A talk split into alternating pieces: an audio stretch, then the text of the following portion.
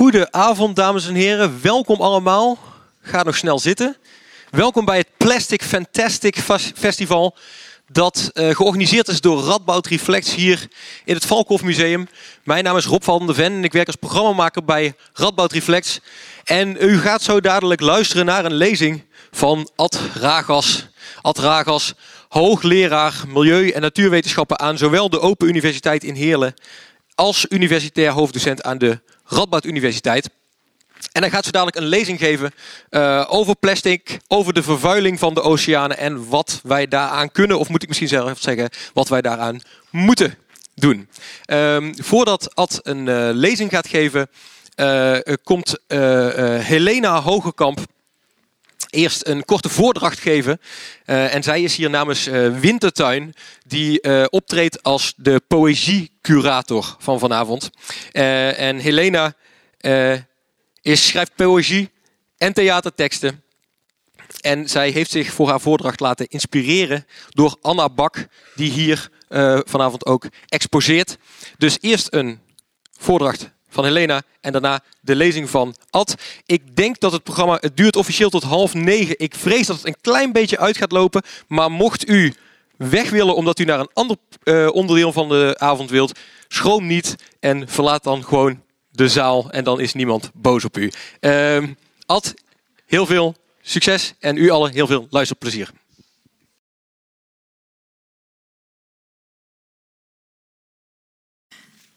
Hallo, ben ik verstaanbaar? Top. Plastic Fantastic. Wie eet wie? Ik eet een condoom. Die zit om de penis van een jongen en smaakt naar banaan. Over de samenstelling van chemische bananensmaak wordt vaak gezegd dat deze is gebaseerd op de Gros Michel banaan, die bijna uitstierf in de 20e eeuw. Zijn schimmelresistente vervanger, de Cavendish, is de banaan die het heeft overleefd en die wij nu allemaal kennen. De Cavendish smaakt anders en daarom zou bananensnoep niet naar bananen smaken. Dat is een populair verhaal, maar het blijkt niet waar. Bananensmaak wordt namelijk samengesteld uit isoamylacetaat. Dat is een naar bananen ruikende samenstelling, heel goedkoop om te produceren, veelzijdig. En wanneer je hem verdunt, smaakt hij naar peren. Dus bananencondooms smaken niet naar een uitgestorven banaan, maar naar een mengeling van peer, banaan en intimiteit. Bij de ethos zijn de condooms in de aanbieding. Intimiteit 1 plus 1 gratis. En hiernaast hangt een bordje met de tekst: Helaas, dit product is uitverkocht. Op de basisschool heb ik geleerd dat plastic wordt gecreëerd uit fossiele brandstoffen. Ik eet een dinosaurus. De eigenaar van de penis vraagt of ik dat lekker vind. Ik raak in de war van die vraag. Vind ik het condoom lekker smaken of de bananengelei die net uit dat pakje is geblubberd of hem? Maar hem kan ik niet proeven, want daar hebben we dus net vakkundig voor gezorgd. De aarde is net een stortbak. Als je hem doortrekt, heeft hij een tijdje nodig om weer vol te lopen. Dit gaat gepaard met gesuis in de leidingen, veel geraas als je dan aan dat zilverkleurige kettingje trekt. En op Earth Overshoot Day hebben we alle grondstoffen opgebruikt waar de aarde een jaar voor nodig heeft om die weer aan te vullen. Dus de eerste keer dat dit gebeurde, op 31 december 1986, heeft de mensheid te vroeg aan het kettingje getrokken voordat de stortbak weer vol was. Daarna viel deze datum elk jaar vroeger, behalve in 2009, wat men weet aan de wereldwijde economische recessie. We hebben daar de grondstoffen, grondstoffen opgebruikt voordat de aarde nieuw heeft gegenereerd. En dan beginnen we noodgedwongen aan onze fossiele voorraad. Maar vanaf 2010 werd er een nieuwe rekenmethode gebruikt voor Earth Overshoot Day waaruit blijkt dat we al sinds 1981 onze voorraden te vroeg aanspreken en dat de crisis hier geen invloed op heeft gehad. Dus wat de mensheid eigenlijk doet, is sneller uitgeven dan er nieuw salaris binnenkomt en verder winkelen terwijl we in het rood staan. We kopen op de pof bij het milieu. En de milieucrisis lijkt zo op de kredietcrisis, waarvan we nog steeds niet snappen hoe die precies is ontstaan. De achterliggende oorzaken van deze crisis waren zo complex dat het nagenoeg onmogelijk is om helder en volledig een beeld van de situatie te krijgen. En analyses, analyses van de problemen en de fundamentele oplossingen waren vaak gericht op een beperkt afgebakend onderdeel van deze crisis. Zodra je inzoomt, wordt iets behapbaar. Mensen gebruiken beelden om het complexe inzichtelijk te maken. Door aan verbrande dinosaurusbotten te denken, denk ik aan plastic. Zo wordt plastic spannend, zo wordt een condoom sexy, omdat het de gesmolten botten van prehistorische monsters zijn. Oprakende grondstoffen zijn niet sexy en slinkende voedselvoorraden evenmin.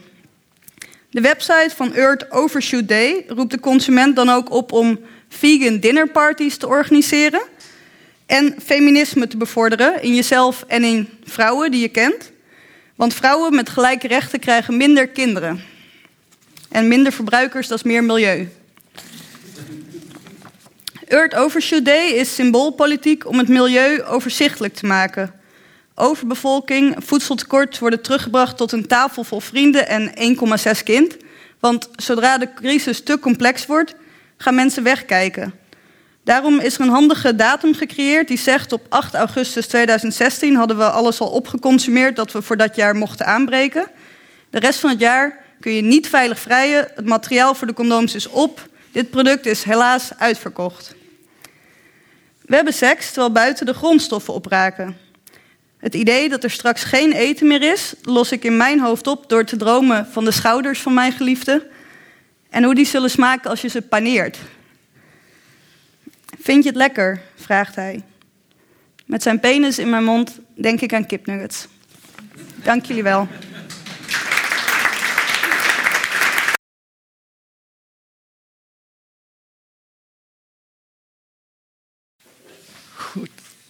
Probeer daar maar eens tegenop te gaan dan met je wetenschap. Ja, daar sta je dan.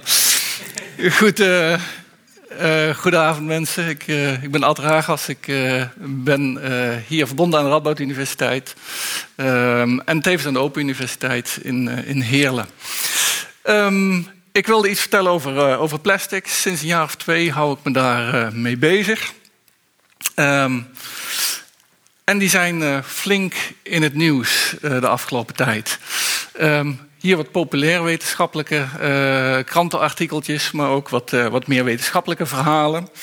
Um, een van de grote die, die wij in ieder geval op bord kregen was bandengruis via de zee op ons bord. die stond groot in trouw afgelopen jaar. Um, als een van de problemen uh, van, als gevolg van plastics. Want onze banden die slijten langzaam af als wij met de auto over de weg rijden. En uiteindelijk komt die in het water terecht en dan weer uh, terug. Bij ons als consument. Daarover uh, over dadelijk meer.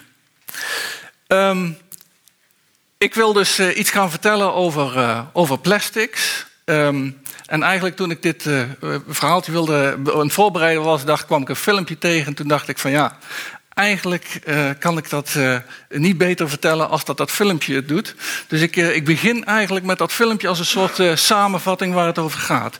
Momentje, ik moet even de laptop het filmpje opstarten.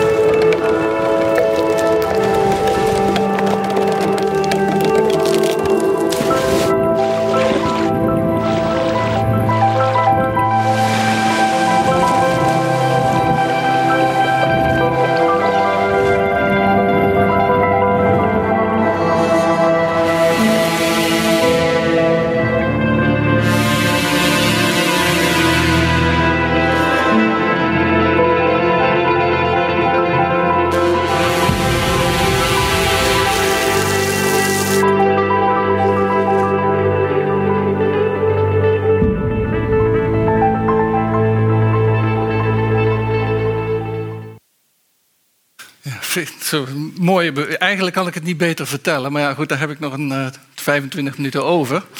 Dus dat ga ik toch nog maar toch proberen om te doen. Iets, uh, iets meer uh, achtergrond over, over plastic. Um, hier zien we um, uh, de toename in plasticproductie uh, de afgelopen 50 jaar. Zo rond 1950 is, is plastic op de wereld gekomen.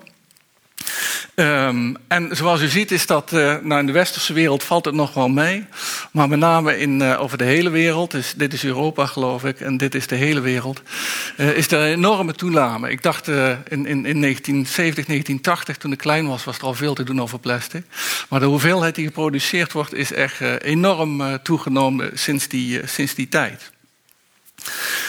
Um, nou, ik probeer dat maar eens uh, een, beetje, een beetje in getalletjes uit te drukken. Uh, per jaar produceren we zo'n uh, 270 miljoen eh, ton in de wereld.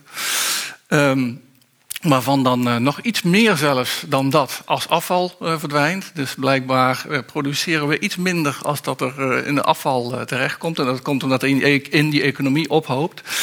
En uiteindelijk um, uh, verdwijnt dat natuurlijk voor een deel in het milieu. Een deel, deel uh, uh, gaat ook verbrand worden en dergelijke. Maar een deel komt uiteindelijk in die oceaan terecht. En dat is niet helemaal precies bekend, maar ongeveer 8 miljoen ton schat men op het moment. probeer het te onthouden, ik overhoor u dadelijk. Dus probeer het te onthouden. en op dit moment, de beste schatting van wat er in de zee zit, is zo'n 80, 80 miljoen ton. Ook dat getal alstublieft even onthouden, want ik, ik kom er dadelijk op terug. Um, ehm, 80% van wat er uh, in de zee zit, komt van landbronnen af. Dus komt via het land uiteindelijk, via onze rivieren en dergelijke, in de zee terecht. En zo'n 20% van wat er in de zee ronddrijft, komt uh, via afval uh, van schepen. Um, dat is het, het, het grote plastic, denkt u misschien. Maar eigenlijk misschien nog wel belangrijker als dat grote plastic, is het kleine plastic. Dat noemen wij de microplastics. Daar ziet u hier een, eh, een fotootje van. En microplastics noemen wij plastic deeltjes die eigenlijk kleiner zijn als 5 mm. En uh, die zijn misschien nog wel erger dan uh, die grote plastics. Daar kom ik dadelijk op terug. Um, waar komen die microplastics nou vandaan? Uh, hier ziet u uh, uh, een plaatje. En nou, misschien, misschien, ja, misschien moet ik het eerst even vragen. heeft iemand ooit, als je aan microplastics in het milieu denkt, wat is dan het eerste beeld wat u nu opkomt? Scrubcrème, hè? Ja, de scrubcrème. Ja, heel goed, heel goed. Daar staat hij, de cosmetics. De cosmetics, ja. Dat is, in ieder geval, dit is geloof ik een Noors onderzoek. Dat was ongeveer 4 ton. Maar heel weinig mensen die denken eigenlijk aan uh, autobanden. En autobanden is een van de grootste bronnen van plastics in het milieu. We hebben wel eens uh, uitgerekend, um, uh, en dat, dat, is, ja, dat is deze. Dit is een Nederlandse studie van een student van ons. Die ging echt een, een weekje, een opdracht van ons, een weekje re eens uit wat er nou uh, via autobanden het milieu inkomt. En die ging rekenen. En uh, hoeveel uh, autobanden zijn er, hoeveel slijt dat dan af, hoeveel centimeter is dat per kilometer. wat gebeurt er dan uiteindelijk, wat blijft er op dat beton hangen van de weg? En wat stroomt er af naar het riool? Wat komt er via het riool, via de rioolwaterzuivering door? Wat gaat rechtstreeks het water in? En die kwam uiteindelijk dus op duizend ton. Bijna de helft van wat wij denken dat er in ons water zit, komt uiteindelijk van van, van autobanden af. Hij berekent dat in Nederland uh, die, die duizend ton, als je dat in autobanden uitdrukt, of, of ja, dan kom je op een stapel, die leg je op elkaar, van 25 kilometer hoog, wat er elk jaar het water ingaat. Dat is echt een enorme hoeveelheid. Groot probleem. Um, maar het is natuurlijk niet alleen een, uh, een, een, een, nasje, of een, uh, een, lokaal probleem. Het is een probleem wereldwijd. Hier ziet u een, uh, een overzicht van wat voor bronnen er allemaal zijn in de wereld. die, die gele bronnen, dat is de visserij. En de visserij die zorgen voor veel plastics in het milieu als gevolg van allerlei materiaal. Vooral de vislijnen die, zeg maar, en de visnetten die tegenwoordig allemaal van kunststof zijn. En als ze kapot gaan, ergens achter blijven hangen, dan blijft dat in het milieu uh, zitten. Of in die zee zitten. Uh, kuststreken, dat zijn de bruine bolletjes. Um, Dus even kijken. De, de, rode, de blauwe, dat is uh, ondoordringbare bodems, afvloeiing van, van asfalt onder andere. Dat is dus die autobandenslijpsel, zoals wij dat noemen. En uh, een deel, de bruine, de, de grijze bolletjes, dat, zijn, uh, de, dat is de scheepvaart. Want ook de scheepvaart laat natuurlijk afval achter. Ik kan me nog herinneren dat ik. Uh, ik ben eens ooit op een tripje geweest, ver naar het zuiden, helemaal naar de Zuidpool toe. En, uh, dat duurde dan drie weken met zo'n bootje. Maar ja, wat moest die beste schipper met dat afval doen? Ja, nou, die, die mocht dat niet lozen in, in, het Antarctisch gebied. Nou, we kwamen de Antarctische cirkel uit en daar gelden geen strenge regels meer. En hups, het ging allemaal de zee in. Dus, uh, nou. En dat, dat, ik verbaas me daar als milieukundige heel erg over, maar blijkbaar is dat heel erg normaal in, bepaalde streken in de, in, de zee. Dus daar, gebeurt, komt dat ook uh, vandaan. Goed, dat, dat plastic uh, dat komt dus uiteindelijk via al die processen in de, in de zee terecht. En daar gaat het allerlei, omdat het zo lastig afbreekbaar is, blijft dit in die, in die zee hangen en gaat het uh, ronddraaien en rondcirculeren. Ik weet niet of je er wel eens van gehoord hebt, maar ik weet eigenlijk de grote, grote Nederlandse term, weet ik er niet voor. Maar hier zitten de, de gyres, zoals ze die noemen. De draaikolk eigenlijk, dus de rondstromingen van de zee. Waardoor dat plastic zich op een bepaalde plekken uh, concentreert.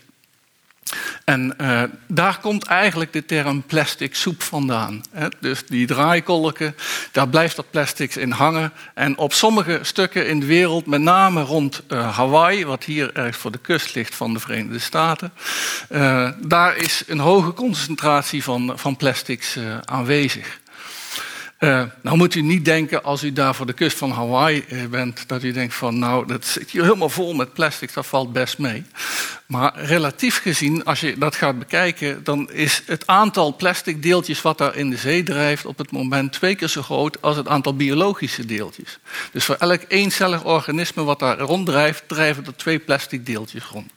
Dus voor elk, dan, dan kun je dat een beetje in verhouding uh, zien. Goed, maar wat gebeurt er nou uiteindelijk met dat plastic? Als je een fles in de zee gooit, en dit geeft wel een aardig beeld, dan wordt die langzaam uh, afgebroken. Um, maar dat duurt lang. Um, en dat hangt een beetje af van wat voor, uh, voor, materiaal die fles gemaakt is, hoe lang dat duurt. Maar dat kan ergens tussen de, de 5 en de 500 jaar duren. Dus dat duurt echt enorm lang. Of dat kan enorm lang duren. En uiteindelijk dus dan denk je van die plastic dat verdwijnt, maar dat worden dus hele kleine deeltjes. En dat is misschien nog wel veel belangrijker als die grote deeltjes. Daar zal ik eigenlijk uh, nog iets van laten zien. Nou, zoals ik al zei, um, um, uh, die, plastics worden afgebroken en het hangt een beetje af van wat voor materiaal je hebt, hoe lang dat duurt. Um, een van de snellere, uh, eens even kijken. Uh, nou, een sigarettenpeuk, toch nog steeds 1 tot 5 jaar. Deze is trouwens ook uh, op de tentoonstelling hier te zien, alleen dan in het Nederlands. Ik ken hem alleen maar in het, uh, in het Engels. Um, deze is vrij berucht, die zien we dadelijk nog terug, denk ik. De Sixpack Ring. Dat is zo'n plastic uh, omhulsel van zes pakjes bier, zodat je als je in de, supermarkt pakt, ze makkelijk lekker tegelijkertijd die blikjes vast kunt, uh, mee kunt nemen. En dan buiten kunt gaan picknicken en dat stukje plastic dat blijft dan meestal achter in het milieu en dat komt uiteindelijk in die, in die zee terecht. Um, 400 jaar, 400 jaar als, uh, als tijd om af te breken.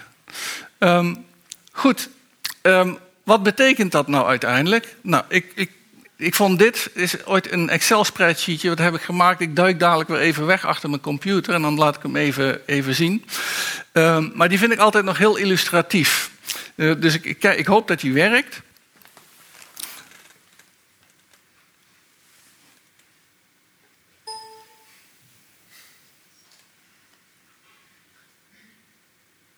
Kijk, daar komt hij aan.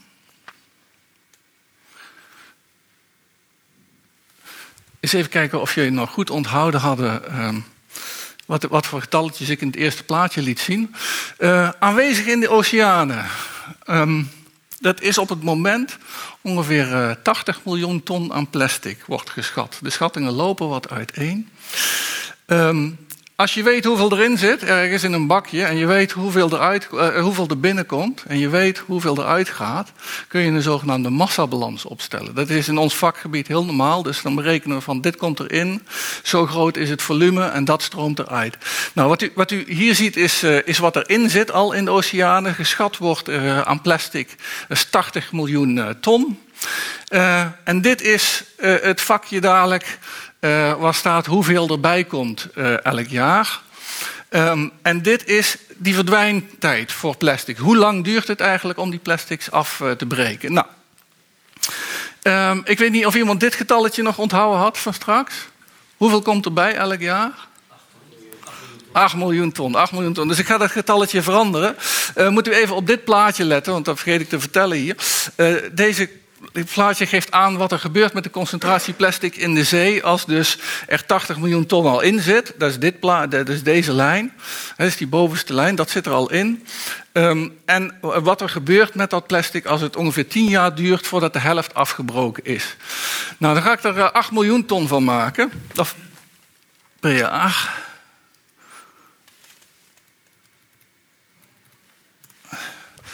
En dan ziet u al dat, uh, dat die lijn wat groter blijft. Um, die blijft dus wat hoger, maar nog steeds zou die afnemen. Dus dat zou betekenen eigenlijk dat de hoeveelheid plastic in de zee afneemt. Alleen hier staat nog een getalletje. En dat klopt niet helemaal. Want dat is dat die halfwaardetijd, dat de, tijd dat de helft van het plastic is afgebroken.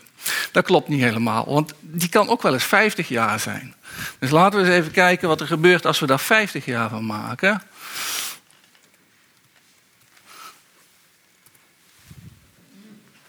En nu krijgen we toch een wat ander plaatje te zien.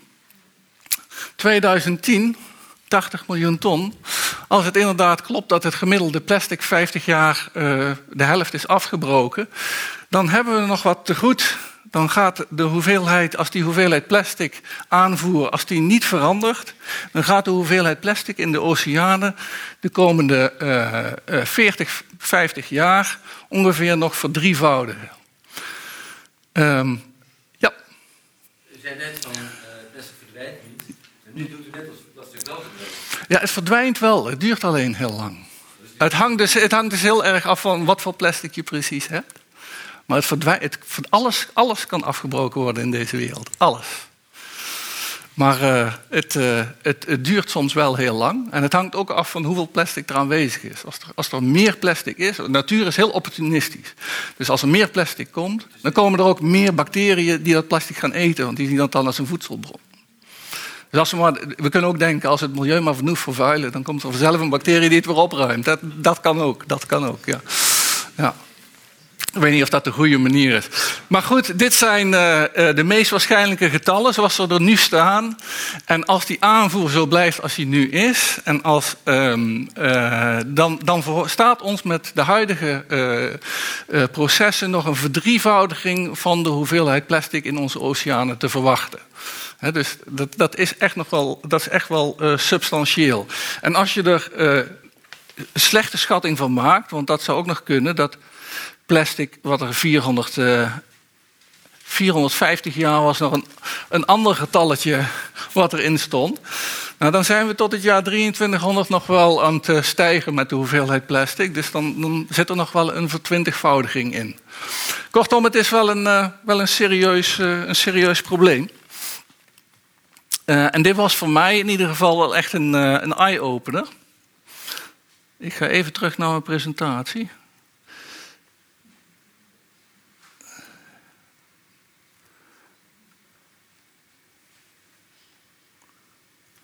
Goed. Um, de volgende vraag is natuurlijk, is het erg? Is het erg dat al die plastics in ons water ronddrijven? Nou, deze doet het altijd heel goed, vind ik. Dit is een schildpad die toen hij klein was gevangen is in zo'n sixpack ring. En uh, door is gegroeid en eigenlijk er helemaal omheen is gegroeid. Dus hij heeft nog steeds die plastic ring van toen hij klein was in uh, onze middel. En hij is er gewoon helemaal omheen gevormd. Nou, deze, deze, deze foto is echt heel de wereld uh, rondgegaan. Die doet het ook erg goed in de, in de publiciteit. Ja, mijn persoonlijke mening is, als dit het probleem was, dan, uh, dan had ik hier niet hoeven te staan. Want die ene schildpad die in een stukje plastic verstrikt raakt, daar zal ons ecosysteem niet van kapot gaan, is mijn persoonlijke mening. Hoe erg ik het ook vind voor die ene schildpad. Het wordt al wat erger als we gaan kijken naar, uh, naar vissen die gevangen worden. Hier zie je een, vis die gevangen is en opengesneden is en allerlei stukjes plastic in zijn maag heeft. Uh, of hier, dit is een uh, Noorse stormvogel, geloof ik. Het lijk, en die is helemaal uit elkaar gevallen. Je ziet hier zijn snavel nog. Maar uh, uit onderzoek is gebleven dat 85 of 95 procent van de Noorse stormvogels die gevonden wordt op de wereld plastic in zijn buik, heeft. Um, en dat leidt tot problemen, voor in ieder geval voor die soort. Omdat die, dat plastic in die maag leidt tot het gevoel dat hij uh, zeg maar geen honger meer heeft, want hij heeft iets in zijn maag. Hij eet niet meer en hij gaat dood. Nou. Ook heel zielig, zou ik willen zeggen. Uh, niet goed voor het milieu. Maar toch vind ik dat nog niet zo heel, heel erg. Uh, wat, ik, wat, ik, wat ik me meer zorgen over maak zijn dit soort dingen. Uh, komt weer een filmpje, als het lukt.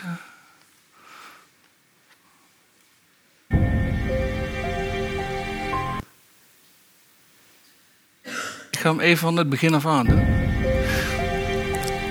Dit is plankton. Hij is moeilijk te zien. De groene stipjes, dat zijn kleine plastic deeltjes. En dat plankton dat genereert eigenlijk een stroming om algjes op te eten. Maar met die algjes krijgt hij dus ook plastic deeltjes binnen.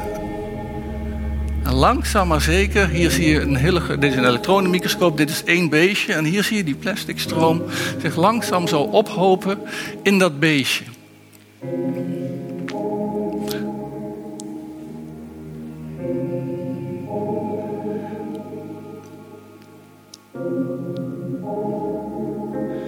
En hier zie je dan hoe die beestjes uiteindelijk helemaal vol zitten met plastic. Nou, dit, dit is een kunstmatig gemaakte opname, dus in een petri-schaaltje, in een klein schaaltje met die plankton erin. Dit is niet echt in de zee opgenomen.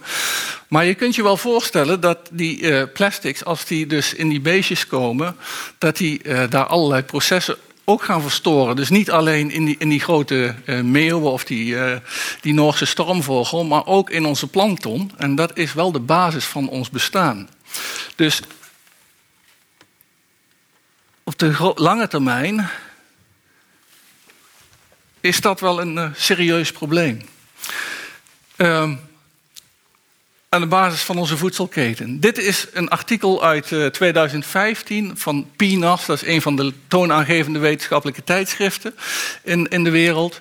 Um, en dit, die hebben onderzoek gedaan naar het effect van uh, plastics op, uh, op oesters. En dit is, uh, wel, wel een, die heeft wel echt ingehakt in de wetenschappelijke wereld, omdat uit deze onderzoek bleek dat die microplastics, dus die kleine plastic deeltjes waar uiteindelijk ronddrijven in die, in die zeeën, dat die in die oesters gaan ophopen. En dat ook de oesterteelt daarvan leidt. Punt 1, imago-schade, maar punt 2 ook, de oesterproductie wordt echt gewoon minder.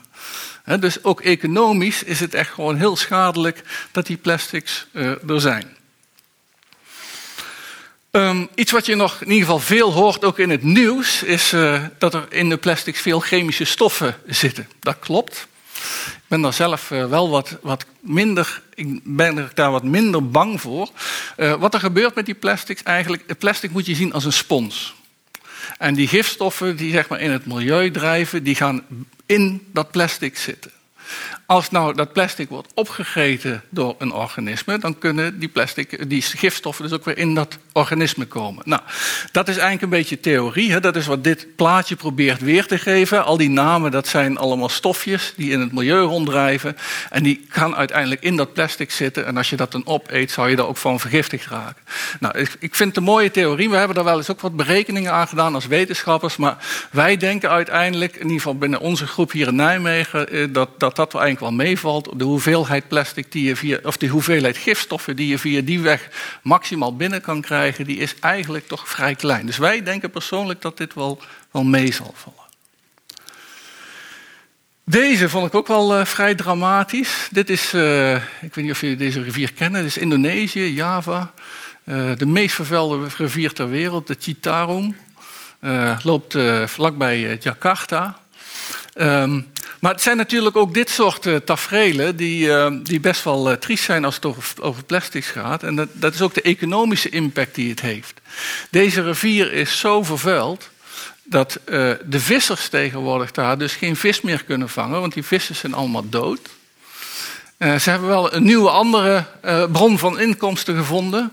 Namelijk, ze vissen de hele dag plastic flessen uit het water. En dat is echt hun, hun dagvoorziening. Ze zijn wat achteruit gegaan. Vroeger verdienden ze 6 dollar per dag, tegenwoordig nog 3 dollar per dag. En tegenwoordig verkopen ze dus de, de plastic flessen aan de afvalinzamelaars. En vroeger verkochten ze hun vissen op de markt. Um, dus de economische schade van, van plastic is ook, uh, ook goed, groot.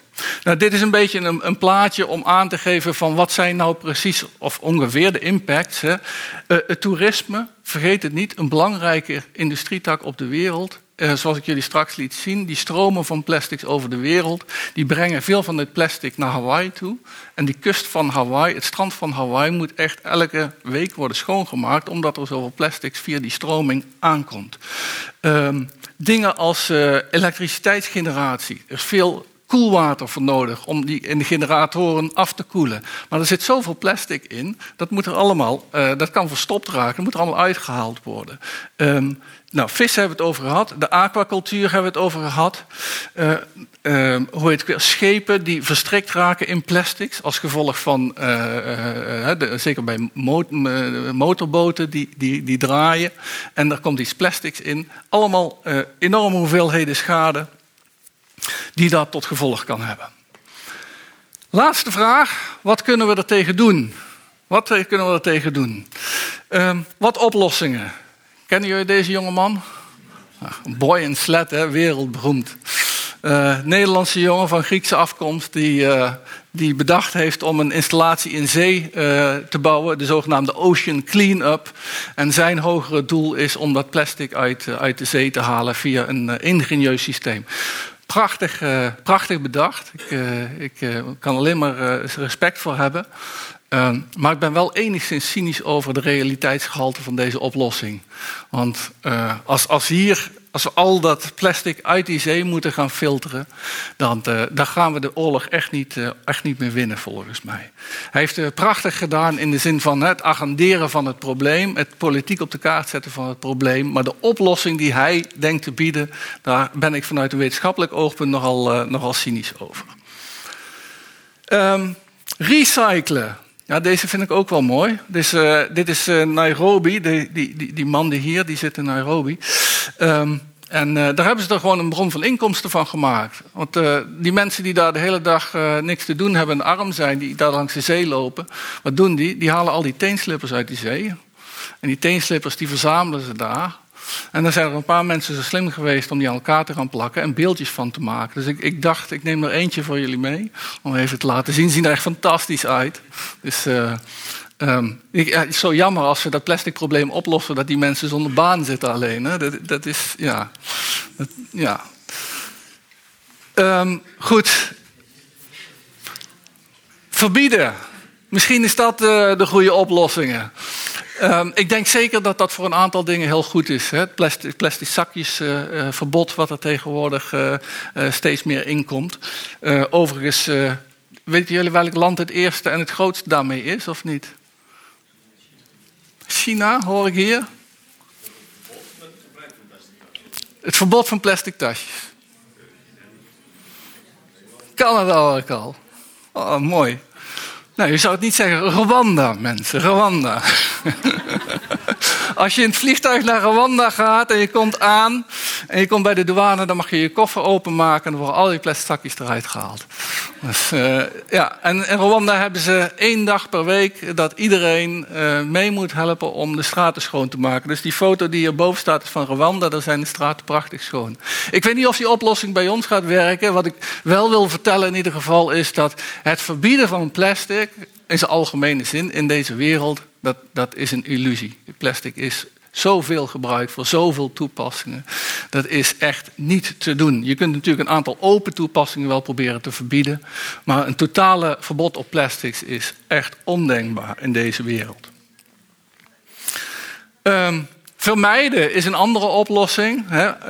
Uh, reduceer, probeer eigenlijk in plaats van als je naar de winkel gaat je, plas, je plastic zak te kopen, probeer je eigen zas mee te nemen. Dat is natuurlijk goed. Probeer uh, te reduceren, hergebruiken. Allemaal uh, oplossingen die werken, maar uiteindelijk zullen ze niet leiden dat, tot dat plastic niet meer gebruikt wordt. Marktwerking, die vind ik ook wel mooi. Hè? Ik weet, kennen jullie deze actie of niet? Ooit van gehoord? Beat the Microbeat. Het is een app die je voor je mobiele telefoon kunt, uh, kunt uh, downloaden, gratis. En daarmee kun je de barcode van een product scannen in de supermarkt. En dan kun je zien of er microplastics in zitten. Dus met name voor cosmetica-projecten, de scrubcremes. Als je wil weten van zitten er microplastics in, download hem. Hij is van de Plastic Soup Foundation, een uh, NGO die erg actief is op het gebied van, van plastics. Maar marktwerking werkt in meerdere opzichten. Ook, ook in dit voorbeeldje, ook bij de sixpack wings. Ik dacht toen ik uh, een jaar geleden uh, bezig begon, ook een presentatie voorbereiden over plastics. Ik dacht van, ik ga even een, een, een sixpack ring halen in de Albert Heijn. Dus ik loop de Albert Heijn binnen en ik kijk daar. Maar er is echt tegenwoordig geen sixpack ring meer te vinden. Dus die foto van die, van, van, die, van die schildpad die verstrikt raakt in zo'n uh, sixpack ring die, die, die werkt prachtig. Die, die werkt bij die, die, die fabrikanten van blikjes. Die gaan ook op een gegeven moment nadenken. Als wij daarmee geassocieerd worden, hè, dan moeten we dat gewoon niet meer gaan produceren. Dus die, die sixpack rings die vind je hier echt niet meer in de supermarkt. En dat komt alleen door dat fotootje eigenlijk van, van dat schildpadje. Dus dat marktwerking kan ook wel een oplossing zijn. Nou, de meest gehoorde oplossing, en als ik vandaag één boodschap mee mag geven, dan is dat deze. Geloof niet in afbreekbaar plastic, dames en heren.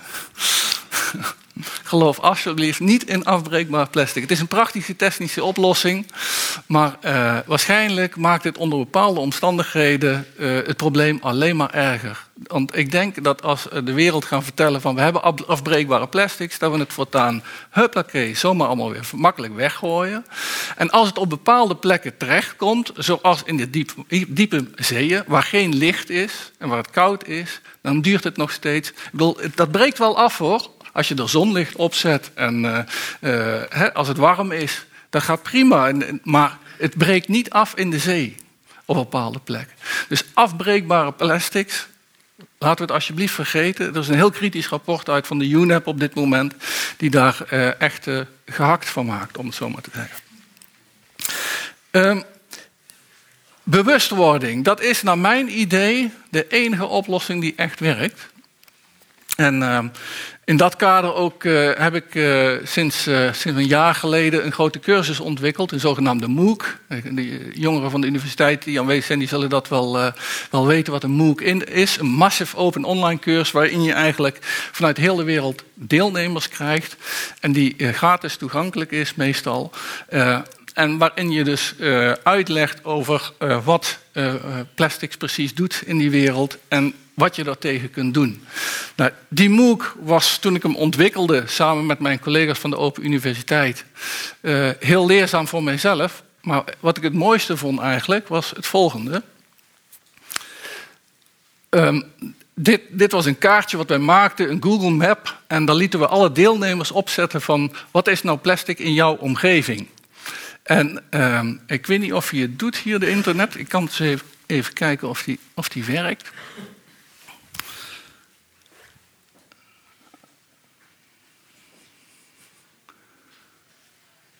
Het lijkt erop alsof je het wel gaat doen.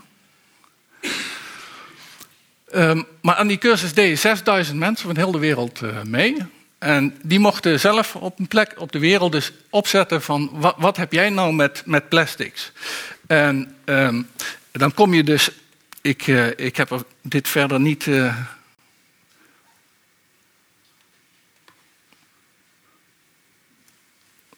voorbereid, maar mensen plaatsen dus allemaal hun eigen verhaal over uh, waar in de wereld problemen zich met plastic voordoen en wat zij denken dat de oplossingen zijn. En dat is eigenlijk volgens mij ook het enige oplossing die echt werkt. Want een oplossing die ik hier bedenk, als ik bijvoorbeeld hier bedenk, ik zet een filter op een wasmachine. Om te zorgen dat die microplastics van onze kunstvezels niet meer in het water terechtkomen. Dan kan ik dat wel proberen te introduceren in Rwanda of Burundi. Maar dat gaat niet werken, want mensen hebben daar geen wasmachine. Dus elke plek op de wereld vraagt gewoon om zijn eigen oplossing. En eh, dat is volgens mij het mooiste, de enige echte manier om dit probleem op te lossen, is met z'n allen samen te werken, ideeën te genereren en eraan te werken. En deze MOOC was echt eh, wat dat betreft een eh, prachtige inspiratie en een voorbeeld dat betreft. De eerste later verlaten de zaal, maar dit was ook precies het laatste zin die ik wou uitspreken. Dus eh, dat is mooi, hè? Bedankt voor jullie aandacht. Als er nog mensen zijn die vragen hebben, maar de mensen die naar de, eh, de, de Plastic Ch- Challenge wilden geloven, die, eh, die mogen natuurlijk gaan. Maar anders, eh, als, als de anderen nog even blijven zitten, dan ben ik graag bereid nog vragen te beantwoorden. Eerst een hartelijk applaus.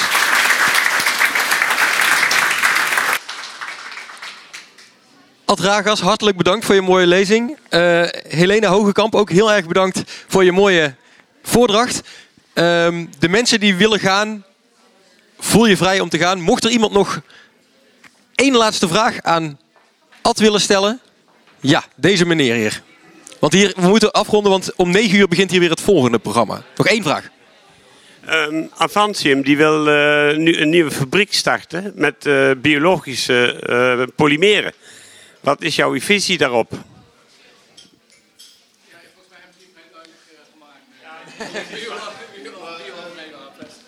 Het is een beetje, een beetje hetzelfde als, als de colaflesjes. Die, die, die nou ook, Nederlander heeft eh, afbreekbare cola of plastic ontwikkeld. Die, eh, maar ik, ik ben heel erg bang dat het alleen maar tot een groter probleem gaat leiden. Want de, de afbreekbaarheid van het plastic, als het, als het in het water komt, daar is ook weer zuurstof voor nodig. Dus dan gaan die micro-organismen dat afbreken, die gebruiken dat zuurstof op. Het water wordt zuurstofloos, gaat dood. Dus volgens mij de enige echte oplossing is zorgen dat het er niet in het milieu terechtkomt. Bioafbreekbaar. Als het composteerbaar is, dat, dat is nog een ander verhaal. Een ander verhaal. Maar, eh, maar echt. eh, weet ook over andere temperaturen. ja. Dat scheelt ook weer. ja, klopt. Ja. Nog, nog, we- om kwart voor gaan we echt stoppen, maar ik geef u ook nog even de laatste. Ja, ik wil even hierop inhaken. Moet je juist niet plastics eh, maken die juist niet afbreekbaar zijn? Zodat je geen mini-plastics krijgt enzovoort. Ja, volgens mij, eh, het allerbelangrijkste is volgens mij dat ze niet in het milieu terechtkomen. Ja, maar het stel dat je sluiten daar toch plastic moet produceren, moet je juist zorgen dat het duizend jaar halfwater Ja, ja dat, dat kan ook. Ja, Ja. dat is, ja, ja, ja, ja. Soort uh, niet. Hartelijk dank, dan gaan we nu afronden. Oké, dank u. Dankjewel. Nog een hartelijk applaus.